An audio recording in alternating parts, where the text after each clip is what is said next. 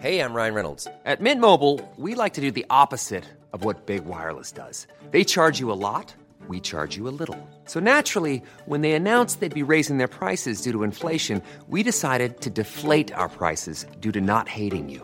That's right. We're cutting the price of Mint Unlimited from $30 a month to just $15 a month. Give it a try at mintmobile.com slash switch. $45 upfront for three months plus taxes and fees. Promo rate for new customers for limited time. Unlimited more than 40 gigabytes per month. Slows. Full terms at mintmobile.com.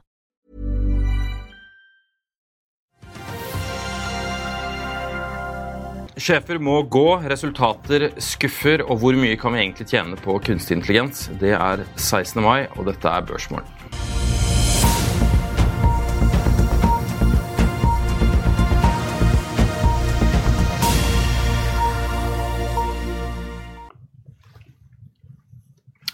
Velkommen til Børsmorgen her hos Finansavisen. Mitt navn er Marius Møklarsen. Vi har med aksjekommentator Karl Jan Molnes i studio, og vi skal snart snakke med Robert Ness. Men først, det ligger an til oppgang på Oslo Børs, skal man tro futureshandelen, som er opp 0,3 av større begivenheter er det antageligvis Kina som dominerer, etter at de la frem noen nøkkeltall i går. Arbeidsledigheten var svakt ned, mens investeringer i anleggsaktive i urbane områder kom inn på 4,7% mot et ventet 5,5% Kanskje mer overraskende var detaljomsetningen, som var spådd på å stige 21 men kom inn på 18,4% Men det som gjør at mange klør seg i hodet i dag, er likevel industriproduksjonen, som endte på 5,6% rundt halvparten av de ventede 10,5 0,9% Det førte til en blandet børsdag i Asia, med små utslag i positiv og negativ retning.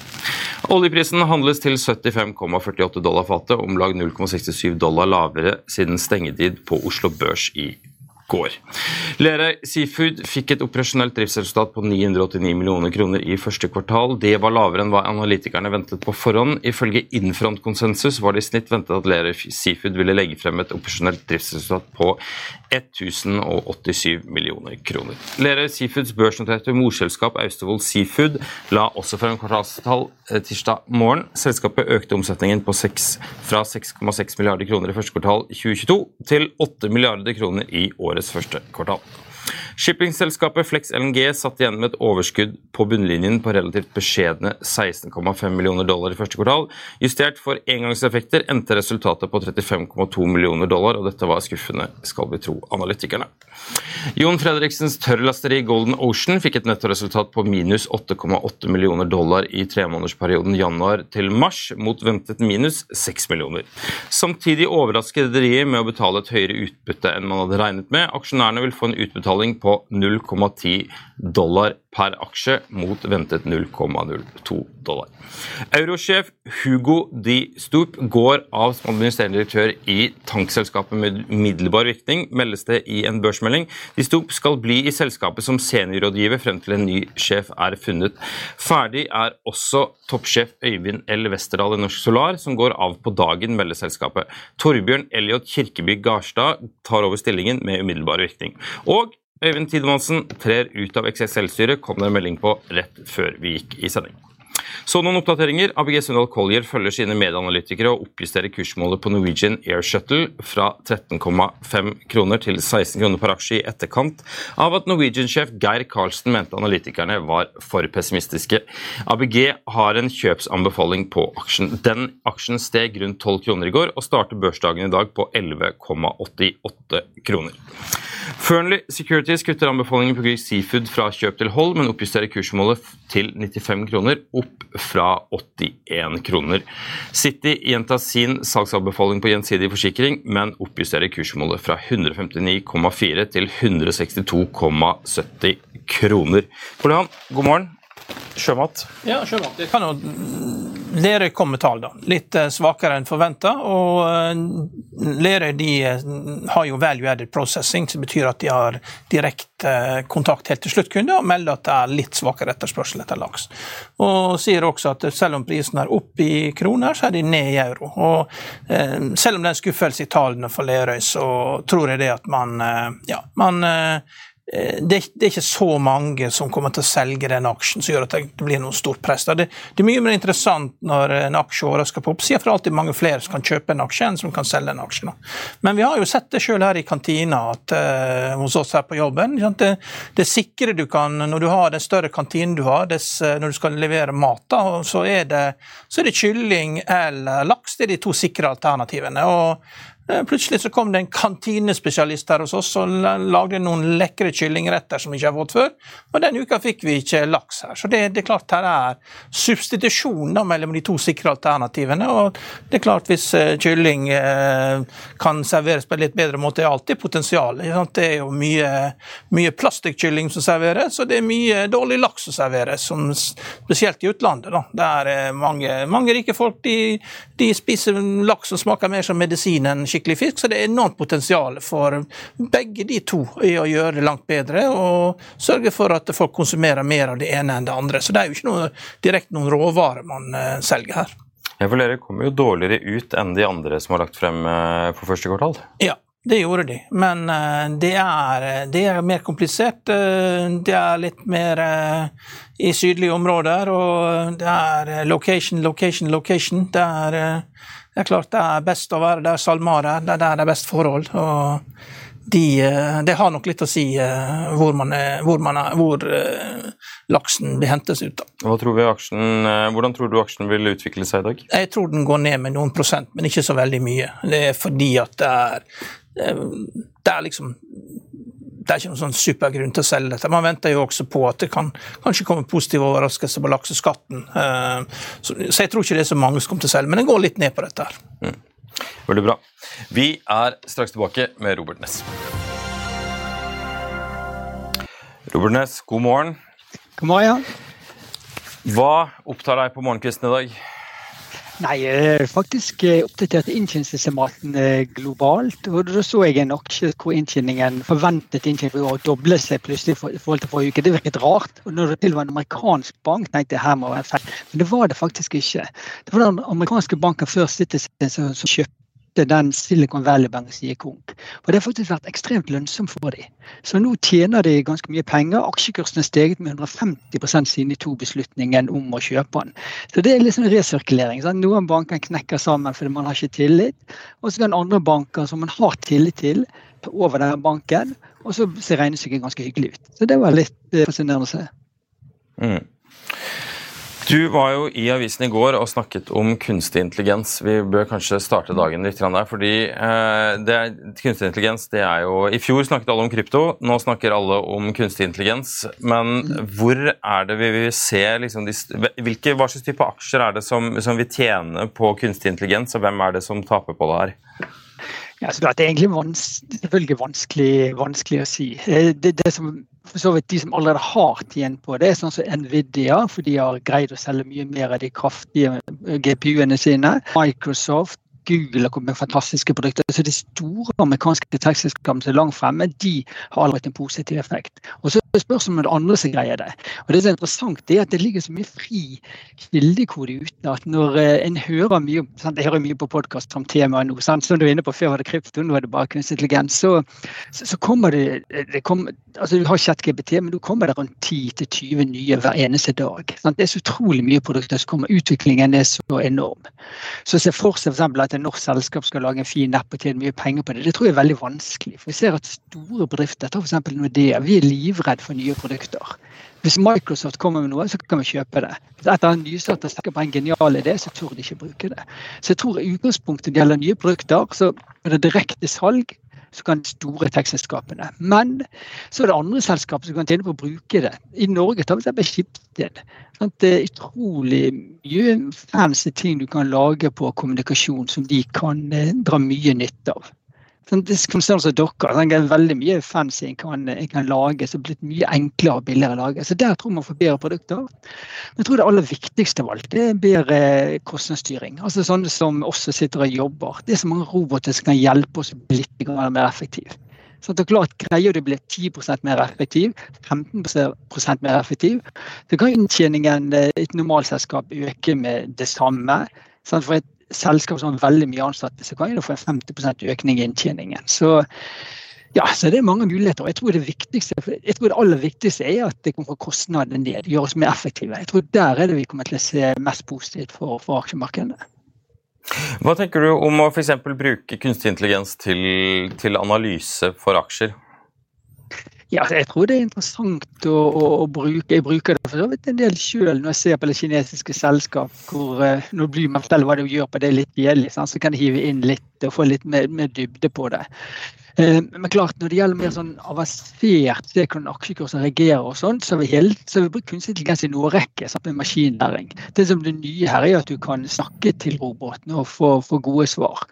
Så, så, jeg tror vi finner gode anvendelsesmåter her også. Det tror jeg absolutt.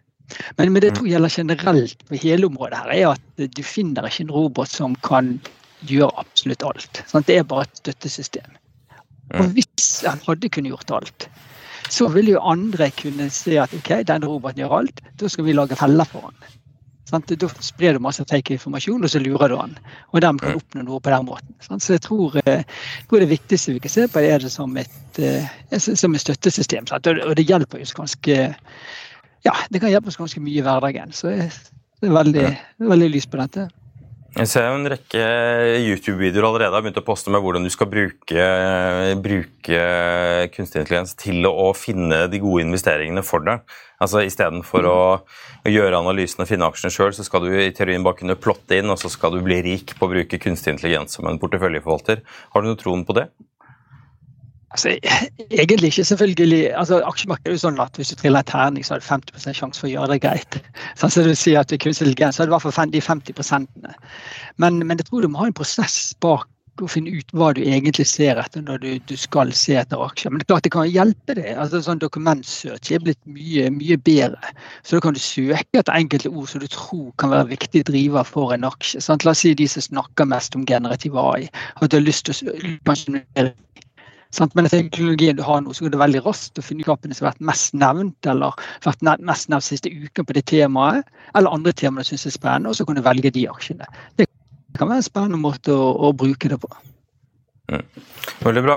Karl Johan, du er opptatt av Japan. Kanskje vi skal snakke litt Japan? Ja, eh, Japan-børsen, ny 23 års eh, høy. Eh, du har jo en stabil global portefølje, Robert. og hvilke investeringer har du i Japan, og hvordan ser du an dette? Hvorfor er Japan så sterkt nå? Ja, klart, eh, Hvis du ser på lang sikt, jeg husker jeg gikk på handelshøyskole i 1989. Siden den tid har Japan bare gitt 0,4 året i avkastning, inklusiv utbytte. Så de har litt å ta igjen. Men klart, siste ti år har Japan vært bra. Og når det gjelder de aksjene jeg har, så er det spesielt to Telekom. Et som heter KDDI, og et som heter NTT. Det, det, det, er at jevn inntjeningsvekst Det øker inntjeningen år for år. Og det betaler sånn elleve ganger års inntjening, og det er ganske hyggelig utbyttegild. Det er kvalitetsselskap, ordentlig drift, grei vekst og lav prising. Så det er en del av de selskapene i Japan. Men tidligere så har det bare vært de selskapene som har tenkt utenfor boksen, sånn som Fast Retailing, som har med Unico Brands har produsert masse i Kina og solgt på verdensbasis, og eh, eh, Softbank, som har tenkt annerledes, som har skapt god avkastning i Japan, mens eh, alle de tradisjonelle japanske selskapene har hatt veldig lav avkastning, nesten uansett eh, hvilke produkter de har, fordi at de har vært så firkantet. Og Sony med PlayStation lagde bare 500 000 eksemplarer et år, du kunne ha solgt 10 millioner. og Det er veldig rigide forretningsmodeller selv om du har suksess. Um, så um, hvordan er det man Kan den, kan den trenden fortsette? Det, kan man få god avkastning, slik at man slipper å ha prisbokført verdi 0,5 på de japanske aksjene? Altså, de har jo eh, fortsatt lave, lange renter sånn, på rundt en halv prosent. Så, så, de har ikke det samme problemet som vi sliter med ellers i Europa og USA. Så det, det er jo en fordel for dem. Klart I mitt fond så ser jeg mer på de mer sånn, eh, litt mer de kjedelige selskapene sånn, som har robust inntjening. Sånn, og da, er det, da har vi funnet de telekomselskapene som fungerer bra. Vi har også noen eiendomsselskap i Japan som ligger uvanlig lav pris etter ganske høy, eh, høy yield. Så det er absolutt et marked som er spennende, spennende å se på. Men det vekstsegment har, har vi da sett, sett, lite på. Men det er jo det landet som ligger lengst fremme i verden når det gjelder pengetrykking, da, med, å, med, yield curve control, og at du Det er jo den valutaen som man spår kan kollapse først, da, hvis pengetrykkinga kommer ut av kontroll. Men du ser ikke noen risiko for det? Ja, det, det, enkle er vel at jeg ser altså lite på, på, på, på valuta. Sant? Så, så vi er Som, Altså, når vi investerer, så ser vi for, vi valutasikrer noen av fondene, noen ikke. Men, men, når vi tar investeringsbeslutninger, så ser vi bort egentlig fra valuta og antar at vi er sikret på det hele. Så da ja, får vi én problemstilling mindre. Så. Ja. Mm. Er det andre sektorer du eh, biter deg merke i om dagen som du syns er spennende? Ja, altså det er jo um, altså Se på Norge, så er jo ting egentlig ganske billig. Så det er snakk om hvor lenge inntjeningen, uh, inntjeningen, holder. Og globalt også så er det ganske mange rimelige, rimelige selvskrinner. Så det er egentlig litt morsomt å, Eller det er ganske morsomt å, å, å finne, finne aksjer nå. Du mm. får ganske hyggelige multipler. Det er en enkelte som påpeker at ok, amerikanske aksjemarkedet er så dyrt, men eh, det er en del ting som er dyrt. Men du finner masse billige aksjer, og helseaksjer i USA har jo vært rimelig lenge. og Nå er det, nå er det altså det får bli sånn Maier som et av de verdensledende til åtte ganger årets inntjening. Innenfor helsesystemet så har du Signa CVS til rundt 11 ganger inntjening.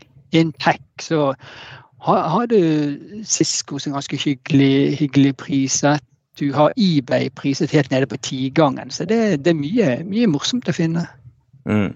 Nå er det jo nå skal det vel, var det Kevin McCarthy og Biden skal møtes i dag for å prøve å løse denne gjeldstakproblematikken. Hvor mye tror du det vil dominere fremover? Altså klart, Det er jo, det, det er egentlig sånn sannsynligheten for at okay, de kollapser og greier ikke betale gjeld. Den er jo veldig, veldig, den er for praktiske formen null. Så spørsmålet er hvor mye markedet lar seg styre det. Så jeg tror, det egentlig mer, jeg tror egentlig ikke det betyr så mye for markedet, men klart det gir jo litt støy. Så når markedet faller, så skylder man på den, og når markedet litt opp igjen, så sier man ok, det kommer til å lette seg der. Så det er ikke noe jeg kommer til å følge, bruke så mye tid på, egentlig. Mm. Du, er jo kjent for å også være glad i bil, eh, og mm. driver litt eh, bilbusiness sjøl. Eh, mm.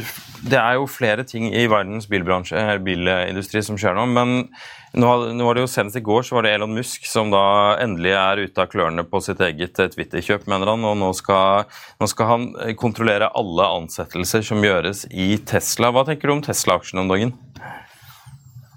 Nei, altså han, han, jo, han, har alltid vært høypriset, uh, utenom noen, noen, uker i januar hvor, uh, hvor estimatene holdt det og kursen falt. Uh, altså Inntjeningsestimatene sklir jo nedover. Sant? og så har han priset til nærmere 50 ganger inntjening. Sant? Og, og de, de, har jo en utsatte grepet med å kutte prisen på Tesla-modell Y med 20% i årsskiftet. Det er ikke sikkert at det var så smart.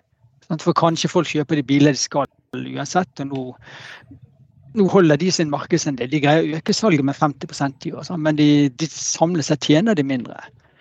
Så ja, så jeg, jo, jeg har ikke vært investert i den. og Nå syns jeg, synes jeg ikke det virker noe fristende. sant? P50 og inntjeningssystematen siger nedover. Det er jo ikke det beste klimaet. Mm. Vi er ikke litt blinde for disse elbilprisene. Jeg var I begynnelsen så begynte jeg å lure på om dette var panikk at Tesla kutter prisen på, på Model Y såpass mye som de gjør, men så begynner man å sammenligne hva en elbil faktisk koster sammenlignet med en del andre vanlige melk- og brødbiler rundt om i verden. Og i fall, sånn som jeg ser det, så ser jeg ikke noe grunn til at ikke elbilpriser må ned hvis dette skal få det omfanget som iallfall europeiske og amerikanske politikere snakker om. Nei, Det er et ganske godt poeng. og Du ser jo bare prisene på bilbatterier som den kinesiske CATL produserer. Sant? De er jo kommet kraftig ned. Så, så, så det er jo grunnlag, sant? det er jo grunnlag for at uh, elbilprisene skal komme ned. Så, mm. ja, så klart på sikt så skal jo prisene ned. Regnestykket der er vel at litium utgjør 3% av totalkostnaden til en bil. Og, og eh, når da litiumprisen faller med 30% så er det 1% lavere pris eh, på bilen. Så det, det, må jo være andre ting som har drevet ned bilbatteriprisene enn litiumprisen. Altså det må være produksjonseffektivitet, og det er jo enorme stordriftsfordeler i dette markedet. De har jo gigantfabrikker. Så man kan jo liksom ikke ta ut så mye mer stordriftsfordeler heller snart, vil jeg anta. Det må bli tek ny teknologi, da?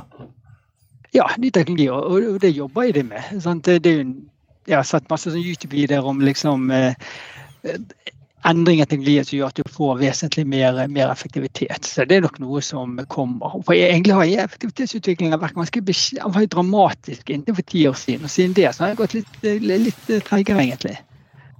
Så det er mm. på tide at det kommer en eller annen utvikling der som gjør at vi tar, eh, tar et skikkelig, skikkelig håp. Mm. Nybilsalget i Norge har jo kjørt fullstendig i grøfta. Eh, der er det jo mm. Foreløpig så regnet vi vel på at, at hvis nybilregistreringene fortsetter i samme tempo som det har gjort hittil i år, så ligger vi an til nesten en halvering av fjorårets registreringer. Men mm. Det, og så kan man snakke om at det var pga. momsen før jul og elbiler osv. Men er det noen grunn egentlig til at det norske bilmarkedet skal være så annerledes enn resten av verdens bilmarked når det kommer til etterspørsel? Ja, altså du har det med, jeg tror det med momsen er veldig viktig. fordi at folk, siste, vi visste, Alle visste det kom moms. Så altså Derfor kjøpte vi festeste, fineste bilet i verden i fjor. For det, og vi kjøpte veldig fine biler for fjor. For alle skulle komme forkant av momsøkningen. Sant? Og Så kom momsøkningen, og hvem er det, hvem er det som ventet til, til å kjøpe bil til den kom? Så det er en viktig faktor som gjør at året i år skulle bli svakt. Så er det vektavgiftene, selvfølgelig. Men, men, så er det den Tesla-priskuttet, og de andre har det bare får seg fylt opp litt, men ikke fullt ut. Og så er det selvfølgelig kronen som, som, er svak. Sant? Jeg ser jo på den virksomheten jeg driver. Sant? Der er ikke nedgang av 5 10 Så Der er jo 100 nedgang i import. Det, helt, det, går ikke an å kjøpe. Og jeg ser jo Samlet sett bruktimporten i Norge er jo ned 90 i år. Så den er mye mer dramatisk ned enn en nybesalget. Det ser faktisk opp i eksport av biler fra Norge. Den kom mm. kraftig opp. Og det, det er igjen det valutaen. Sant? Og det er ikke billige bruktbiler som eh, Det er to grunner til at vi selger de, valutaen er svak. Og så er det en ting som jeg tror ikke folk vet om. Det er nemlig at jeg sjekket en som Ford Modeo som lå på Finn til 90 000 kroner. Litt stor motor av en 2015-modell. Hvis du eksporterer den, så får du 70 000 kroner igjen av myndighetene i avgifter. Mm. Du betaler 90 for 70 avgifter. Da har den egentlig kostet det bare 20. Og da skal du tjene litt på å til utlandet. Ja, Så Fremten er registrert etter 2014, når de gjorde disse regelendringene for uh, registreringer, så vidt jeg vet. Ja. Uh, men eh, fordi, altså nå kjører jo, altså Ford er jo en av de som, som, har bestemt seg litt for at de skal utfordre Tesla, og som på mange måter har musklene litt til det. Altså, en ting er disse kineserne, der er det vel kanskje BYD eller BYD, som er den sånn reelle muskelbunten fra Kina. Men Ford kjører jo nå i Norge så kjører de 0,25% fastrente. Og det, det kommer jo fra et eller annet sted når du driver med såpass sterk subsidiering for å få solgt biler. Mm, det gjør det. for vi, I den virksomheten jeg har, har vi noen sånne nesten nye Ford Mustang-markeder vi skal selge sånn langt under den nye nybilprisen. og Det er helt dødt. Så dere er nødt til å, er nødt til å gjøre det. Sånn, for du sa nybilsalget ned. Men Hadde du bare tatt modell Y ut av den ligningen, så ville nybilsalget vært mye mer dramatisk ned.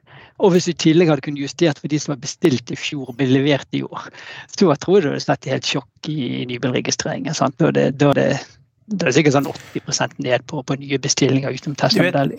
De, du vet, de har jo vært eh, veldig gode på finansiering av biler i USA. vet du. Mm. GM hadde en sjef som het Munro. Da fikk du Munros law.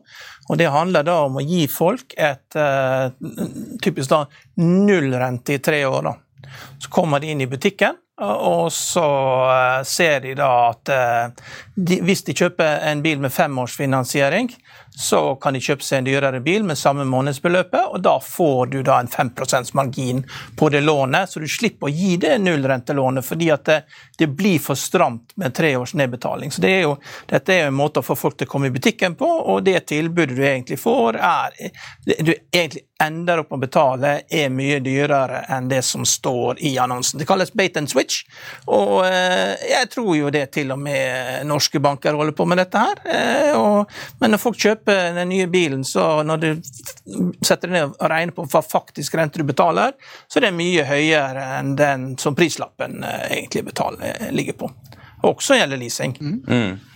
Det er nok ikke usannsynlig det. Nå så jeg for øvrig at amerikansk eh, bilfinansiering er en av de tingene som de begynner å stramme inn på. Altså, altså, ja, ja. Et, etterspørselen etter bil i USA er jo helt spinnvill. Ja, men uh, nå strammer jo kreditten ganske stramt inn på bilfinansiering. men det, det, det, er skyggebanksystemet, og det er klart her er jo det, du har jo hedgefond, York Capital, de la jo ned et helt firma. så det er klart det er jo det, det skjer jo, men det er jo også fordi det er mindre etterspørsel. Men, men den er bait and switch, at det du går inn og får et tilbud som du tror er ganske bra, og så velger du å ta et tilbud som, der du betaler mye høyere rente. Da. Det er ganske vanlig. Mm. Mm. Du vet at GM har holdt på med bilsalg i 50 år. Dette ja, det, er down to science. vet du, De kan alt om dette her. De er flinkere på det enn å lage biler. ja, ikke sant? Litt tilbake til Teslaen. fordi eh, En av de tingene som, som, vel blir også en faktor, er jo den enorme produksjonskapasiteten de har bygd opp både i Berlin og i Kina. Hvordan skal de få markedet til å ta unna alle disse bilene hvis ikke de går på ytterligere priskutt? Ja, det er et godt poeng. Sant? og De har jo ikke egne eh, altså De selger mest nett, så de er, de er avhengig av at produktet deres er attraktivt pris, hva du får. Sant? Så de må nok være, i forhold til det de leverer til kunden, så må de være prisledende. Da. Så det er nok eh, denne prismekanismen viktig. Det er det. Mm. Så jeg tror neppe vi ser for oss at prisen opp igjen. Financial Times skriver i dag at Ford ikke skal konkurrere i Kina på elbil. Nei, det ville ikke jeg heller gjort hvis jeg var Ford. Iallfall ikke med den uh, Mach 1. Da ville jeg funnet på noe, noe vassere. Men det er klart at det jeg, Min følelse er at prisene må ned. fordi var jo, jeg var i Sverige og kikket på denne Inios Grenaderen, denne defenderen til han, eh, eller defenderkopien til han eh, Jim Radcliffe. Og I Sverige så koster den bilen 895 000 svenske kroner. og han ene av de vi snakka med, han bytter ut bydtangen sin til 850 svenske i en Inios Grenader til 895. Mens her koster mm. bydtangen 700, og Inios Grenaderen koster 2,1 millioner kroner. Så liksom, Insentivene i Sverige er jo helt annerledes for Eller mye mer manglende for å gjøre den switchen til elbil som vi har i Norge. Så det der jeg begynner å bli litt betenkt. For når du ser det markedet, så må elbiler ned i pris skal dette funke. Mm, ja, og det er ikke bra for oss som eier elbil, for verdien på den. Nei. Nei, ikke i det hele tatt. Robert Næss, tusen takk for at du var med oss, og ha en, strålende 17. mai når den tid kommer. Vi er straks tilbake rett etter dette. Selling a little or a lot? Shopify helps you do your thing however you cha-ching. Shopify is the global commerce platform that helps you sell at every stage of your business. From the launch your online shop stage to the first real life store stage, all the way to the did we just hit a million orders stage. Shopify is there to help you grow. Shopify helps you turn browsers into buyers with the internet's best converting checkout. 36% better on average compared to other leading commerce platforms because businesses that grow grow with Shopify. Get a $1 per month trial period at Shopify.com slash work. Shopify.com slash work. I'll see you in court. Vi sier det ofte litt på spøk, men for deg som driver business, er det aldri moro å innse at du ikke har laget en 100% gyldig kontrakt. Du bør ikke risikere hele firmaet ditt fordi du synes dette med kontrakter er litt stress. En avtale er ikke en avtale. Du kan miste kunder, miste venner, ja, til og med miste inntekter om du ikke lager en skikkelig kontrakt, på alt mulig, egentlig. Men vi vet det er et styr, kopimaskiner, treg printer og haugevis av papir. Dessuten stoler vi jo på folk her i landet. Det er ofte litt kleint å skulle be om en signatur for alt mulig, ja, for mye av styret handler også om jakten på underskriften. Det finnes en enkel måte å løse dette på, Dukkobit, en trygg, effektiv og get this, gratis måte å sikre seg en god natts søvn pluss en juridisk bindende avtale. Dukkobit-appen har de strengeste sikkerhetskrav i bunn, samt en EU-godkjent og sertifisert teknologi.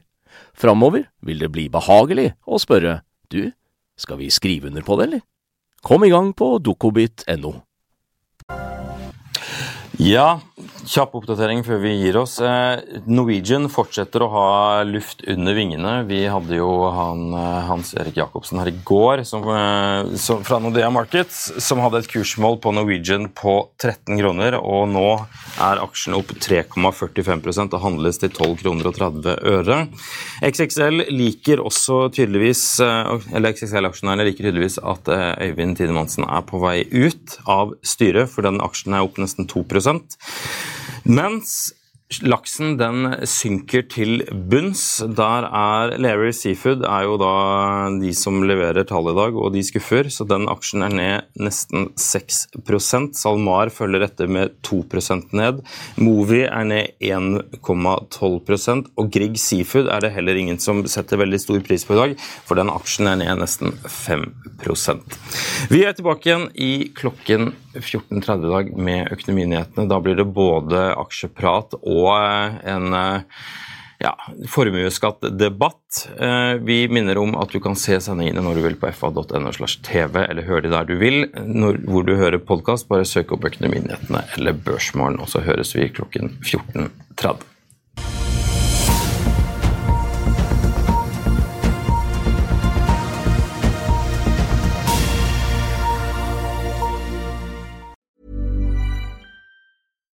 When you make decisions for your company, you look for the no-brainers. And if you have a lot of mailing to do, stamps.com is the ultimate no-brainer. It streamlines your processes to make your business more efficient, which makes you less busy. Mail checks, invoices, legal documents, and everything you need to keep your business running with stamps.com. Seamlessly connect with every major marketplace and shopping cart. Schedule package pickups and see your cheapest and fastest shipping options from different carriers. With rates up to 89% off USPS and UPS rates. And with the Stamps.com mobile app, you can take care of mailing and shipping wherever you are. Make the same no-brainer decision as over 1 million other businesses with Stamps.com. Sign up with Code PROGRAM for a four-week trial, plus free postage and a free digital scale. No long-term commitments or contracts. That's stamps.com. Code program. Økonominyhetene er en podkast fra Finansavisen. Programledere er Marius Lorentzen, Stein Ove Haugen og Benedikte Storm Bamvik. Produsenter er Lars Brenden Skram og Bashar Johar. Og ansvarlig redaktør er Trygve Hegnar.